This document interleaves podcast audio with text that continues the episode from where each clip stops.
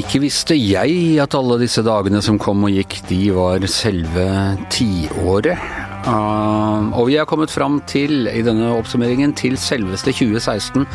Av alle vanvittige år i dette tiåret, er 2016 det mest vanvittige, Per Olav Ødegaard? Ja, det skapte i hvert fall Det var et slags oppbrudd eh, og et slags tidsskille. Eh, som vi fortsatt merker konsekvensen av. Det var på en måte Vi forlot noe velkjent og gikk over i en ny, en ny tid. Ja, det skjedde med et bang. Eh, og ikke minst så skjedde det uten at vi eh, journalister var helt gode til å forutse at det skulle skje. Vi sto mer sånn og så i slow motion hvordan denne politiske flodbølgen skylte over verden. Yngve Kvistad? Ja, jeg vil også si at 2016 var det året da alle meningsmålinger spilte fallitt. Vi har jo vært vant til å støtte oss eh, til meningsmålinger, til gallupundersøkelser. Yrkeshemmelighet, vi bare sitter og ser på dem, og så ser vi hva som virker sannsynlig. Nei, men altså, det, det, det, har jo vært uh, altså, det har alltid vært sprik i meningsmålinger. Men man har jo kunnet stole stort sett på at metoder og sånt har i hvert fall vist en tendens. Men nå i 2016 så opplevde vi jo at to svære ting eh, nærmest skjedde uten at vi eh, var klar over det. Eller vi, vi, altså det var jo en teknisk mulighet for at det kunne skje, men eh, tendensene sa pekte i andre retninger. da. For å ta brexit først, som du har da marinert deg i siden. Ja. Eh, hva, eh, var det ingen målinger på forhånd som sa at dette kunne skje? Ikke som tyda på at det skulle bli et flertall for eh, brexit for utmeldelse av EU, eh, e nei. Det var, det var, selvfølgelig enkeltmålinger, men tendensen, altså hvis man skal holde seg til det, så, så visste jo alle at, eh, at, ja, det ville bli et ganske greit ja-flertall altså for å bli i unionen. Da. Og hvorfor bomma meningsmålingene, og derfor også alle vi andre? Nei, Meningsmålingene eh, tok ikke opp i seg eh, den frustrasjonen som åpenbart lå i store deler av den britiske befolkninga. Eh, men vel så viktig tok den ikke opp i seg at eh, folk kom til å protestere, altså bruke valget som et protestvalg. Og det tredje var at det heller ikke målte uvitenheten om EU. Eh, etterpå så har man jo funnet ut at det mest stilte spørsmålet på Google dagen etter eh, brexit-valget var 'What is the EU?' ja. Eh, sånn at det var jo en stor uvitenhet der. Jeg husker jo fra morgenen sjøl, da, da, vi skulle dra oppover til, til Nord-London. Så spurte jeg jo drosjesjåføren hva han syntes om, om valget. da. Og han sa liksom at uh, Han var totalt sjokkert, for at jo, han hadde stemt for brexit, men han mente det jo ikke. Nei. Og det var jo veldig mange som, eh, som stemte for brexit, altså for utmeldelse, fordi de ønska å gi en kilevink til David Cameron og det sittende eh, regimet. da. Det er jo interessant at David Cameron ble jo kjent for to men viktige meningsmålinger. Han tillot en meningsmåling om selvstendighet eh, for Skottland, og den vant han som Men med et nødskrik? Ja, det ble forholdsvis komfortabel margin, men det var jo spennende ja. hele veien. Og så tapte han den andre, og det var jo en Han utskrev jo denne folkeavstemningen om, om, om e, Storbritannias forhold til EU fordi han var ganske trygg på han skulle, han skulle stilne et opprør i Det konservative parti. Altså Det var uro i Det konservative parti, som det lenge har vært, om forholdet til EU. Og for å på en måte legge det fra seg og legge det dødt, så tillot han denne folkeavstemningen i ganske stor forvissning, tror jeg, om at det ville bli flertallet må bli. Men samtidig, altså England har jo Jeg bodde der på, på ja, midten av 70-tallet, og allerede da var de jo på en måte den største bremseklossen i hele EU-prosessen. De kjører på feil side av veien, de beholder pundet sitt. De har ja, De er ikke med i Schengen nå? Nei, nei, gå inn og se på The Queen, liksom. De, de oppfører seg jo som det er Camelot uh, fremdeles, selv om ting er i ferd med å rakne rundt dem. Så. Det har jo alltid vært da med britiske medlemskap i EU at det har alltid vært litt innafor, men utafor. Uh, nå er situasjonen at de skal være utafor, men likevel litt innafor. Ja, for Norge er nesten mer integrert ja. i utgangspunktet enn ja. en, uh, ja. Men får de til dette her? Altså, hva, for, for, I 2016, hvor lenge er det siden den, Det er tre og et halvt år siden den avstemningen, og de er ikke ute ennå? Nei da, og det er, jo, det er jo mange ting som skal skje ennå. Og sjøl om at, at planen følges sånn som man har eh, vedtatt den, så er det jo eh, fortsatt eh, altså, De får alltid en handelsavtale med EU, det, det, er jo ingen som tviler på. Men det er jo alt det andre ikke sant? Det er alt det andre som vil ta tid. da. Så, så er det at dette øyriket har litt mange andre rare grenser. og Nå er det snakk om at Skottland og alle vil ut igjen for å bli værende i EU. Ja da. Og den skotske nasjonalistrørsla har jo ikke blitt noe mindre etter valgresultatet like før jul. Ja. Så vi Og så går det en grense på naboøya også? Ja, det gjør det. Ja, nei, så det er Den har fulgt oss gjennom ja, omtrent så, så, lenge vi har hatt denne pod, podkasten. Og den kommer nok til å følge oss til vi går av med pensjon. Man skulle kanskje tro at Brexit hadde forberedt oss på det uventede resultat, men vi gikk plystrende forbi kirkegården og inn til valg, det amerikanske presidentvalget samme år, Per Olav. Ja, og det var jo Først og egentlig ganske overraskende at Det republikanske parti samlet seg om Donald Trump. Det vil si det tok lang tid før de gjorde det. Han var jo en kandidat som startet ut som en av det var vel en av 17-18 unnskyld, republikanske kandidater tidlig der, og han, var, han lå på 1 oppslutning eller noe sånt. Nå. Og så klarte han å mobbe dem ut én etter én ja, med sånn reality-TV-skolegårdsteknikk. Veldig effektivt. Ja. Og, og, til slutt så ble han altså stående igjen, og selv da var det jo veldig mye motstand i det republikanske parti, fordi han representerte noe helt nytt. Og de hadde ikke samla seg helt på, på landsmøtet som var i juli-august.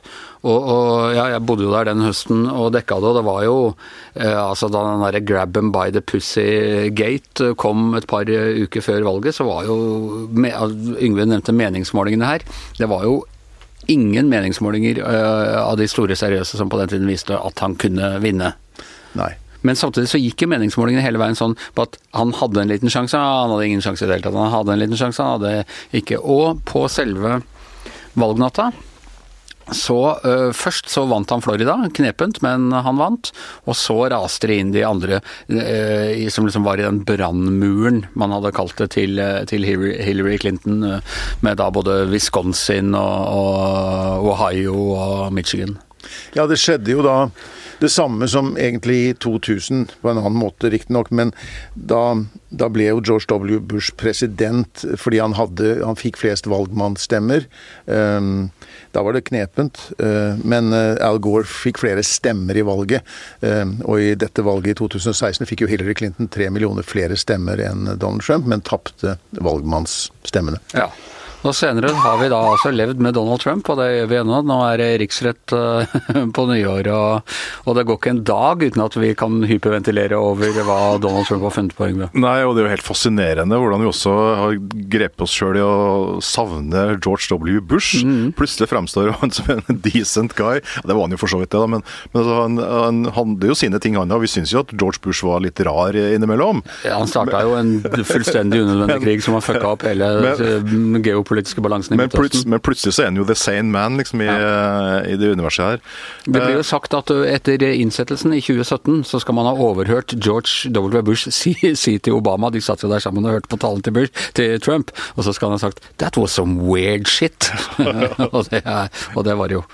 Det var det absolutt. Eh, jeg har en skal vi si en slags Eh, termometer, eller følere man vil, når det gjelder, gjelder Bush og sånn. Og det er jo da min egen eh, nokså konservative, nærmest vil si ytterliggående familie i USA, som har bodd mange år i Midtvesten, som har flytta til Colorado.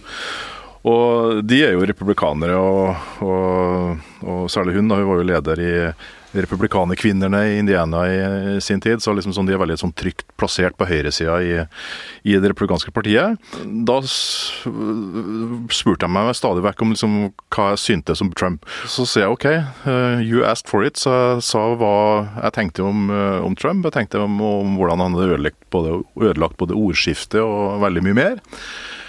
Uh, og så ble det bare helt stille rundt bordet. Og så grynte de litt, og så tenkte jeg at OK, uh, nå får jeg vel skyldbøte. men så, sier de plutselig liksom, til meg at liksom You know, son, we're so ashamed of that man. Og da tenkte jeg liksom sånn Jøss, yes, har det kommet så langt? Og, men det har jo det. ikke sant? For at de stemte på Trump den gangen for da han var den republikanske kandidaten. Så har de sett hvordan han har gjort, og de sier at nå aner de ikke hva de skal gjøre ved, ved neste valg. fordi at de er registrerte republikanere, men de kan ikke stemme på Trump.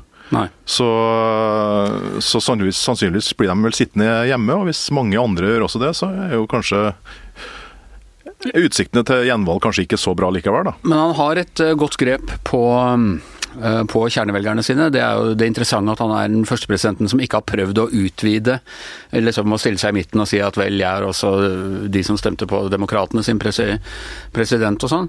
Og altså, savne W. Bush, men Per Olav, du og jeg, vi har jo en egen øh, fetisj på å følge alt dette som har med Trump å gjøre, og vi ryster på hodet, og vi er oppgitt, og vi sender hverandre meldinger når han har gjort dumme ting. Men vil vi savne Donald Trump øh, når han forsvinner?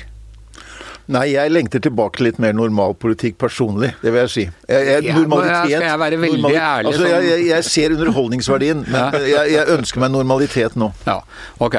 Jeg må, jeg må innrømme nå, siden det er jul og man skal være ærlig og gjøre opp og nyttårsforsetter og alt sammen, skal jeg si at det blir litt kjedeligere uten Donald Trump. Det, det må jeg innrømme. Jeg tror aldri Donald Trump kommer til å forlate den scenen heller. Han, kommer, han, han er på Dette er uh, Han kommer til å forskanse seg i Det hvite hus som, Scar, som han derre i Scarface, vet du, på, på slutten av Scarface. Say hello to my little friend. Ja, og om velgerne skulle sende ham ut, så kommer han til å være i offentligheten likevel. Det kan jeg garantere. Det tror jeg du har helt Ja, rett i. og så vil han for all ettertid måtte bli tiltalt som Mr. President. Det, det må riktig. han også. Og han skal bygge seg et eget library, og den skal bare inneholde The Art of the Deal.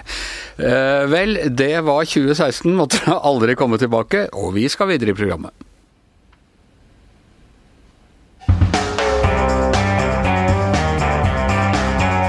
Det var Trump og, og brexit i, 2017, i 2016. Uh, 2017, Hanne, det skjedde jo ting her hjemme også politisk. Eh, Kan det settes i sammenheng med på en måte de der store eh, bevegelsene ute i verden, som eh, Trump og brexit?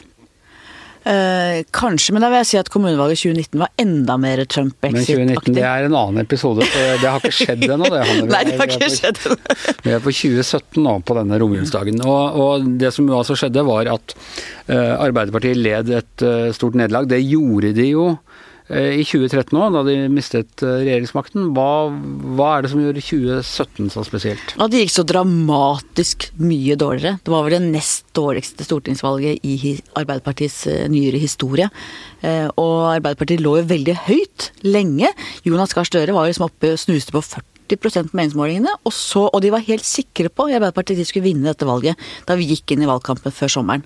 Eller før sommeren, før valgkampen begynte, var de helt sikre på at dette kom til å gå Han skulle bli statsminister. Og så gikk det så utrolig dårlig med Arbeiderpartiet i det valget. Ja. Hva kom det av? Det var mye som kom inn. Det var eh, Jonas Gahr Støres eh, eiendomsinvesteringer, det var eh, Det var noe med brygga hans og noe sånt? ja, og brygga hans som han hadde Men betydde, betyr sånt noe egentlig annet enn at det er støy akkurat i valgkampen? Nei, så var det klart det var strukturelt. altså Arbeiderpartiet har slitt mange steder, men det, de har jo strevd veldig med å finne forklaringer. Det var en veldig dårlig drevet valgkamp. Det var kaotisk, det var eh, eh, Det var dårlig drevet, og det var eh, rett og slett eh, Det er ikke noe én god forklaring, men det var veldig mye. Astrid Mæland, har du noen eh, teorier om hvorfor Arbeiderpartiet gikk på en, ja, altså gikk på en smell? De, altså de klarte ikke å gjenerobre regjeringskontorene. Ja, det var ikke av oss, Anders. Og du mener at vi gjorde vårt for at de skulle bli gjenvalgt? Nei, nei, jeg tuller litt, men eh, jeg tror Jonas Gahr Støre fikk gode skussmål den høsten i debattene. Jeg var også mener, jeg husker at han vant part- den store partilederdebatten under Han fikk terningkast seks på første debatten. Det var vel da. Ja, Det var ikke jeg med på, det ville jeg bare ha reservert meg mot, altså.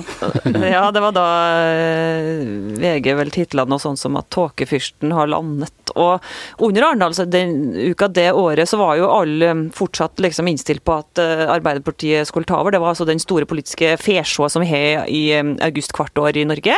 Og, da, og vi snakka om hva som skulle bli minister ditt og datt, og folk begynte å slutte i stillingene sine i utlandet og kom til Norge for å bli ditt og ja. De var bare, de hadde, Ja. de hadde tatt mål av gardinene, som det heter. da kom altså den første Først så fikk han jo sekser på terningen, men så kom altså den første um, elendige målinger.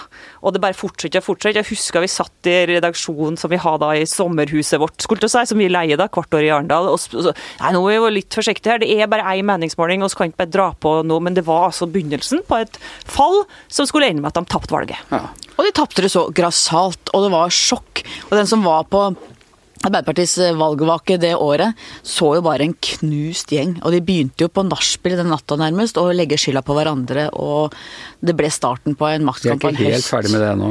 På ingen måte. Fordele den skylda, er de det? Nei. Nei, det granskningsutvalget som Arbeiderpartiet kom med, som skulle liksom forklare hvorfor det gikk så dårlig i valget, det ble jo en sånn kranglesak i partiet etterpå.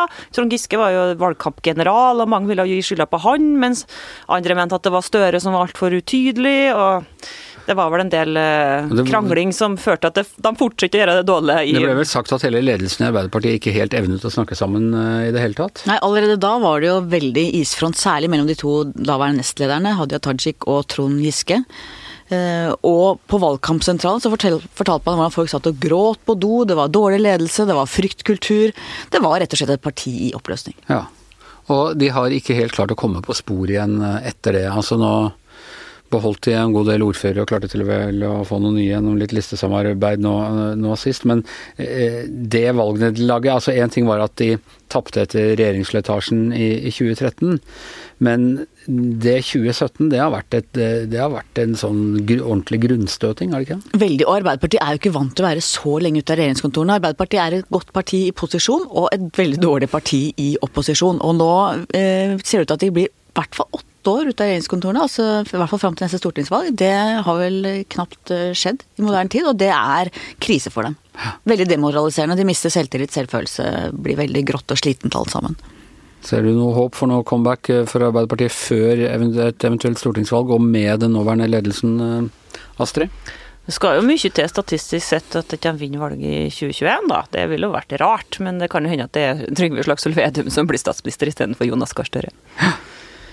Vi får se. Eh, en annen ting, og dette henger på en måte litt sammen, men, det starta i utlandet. Altså høsten 2017 så fikk man den første tweeten med taggen metoo.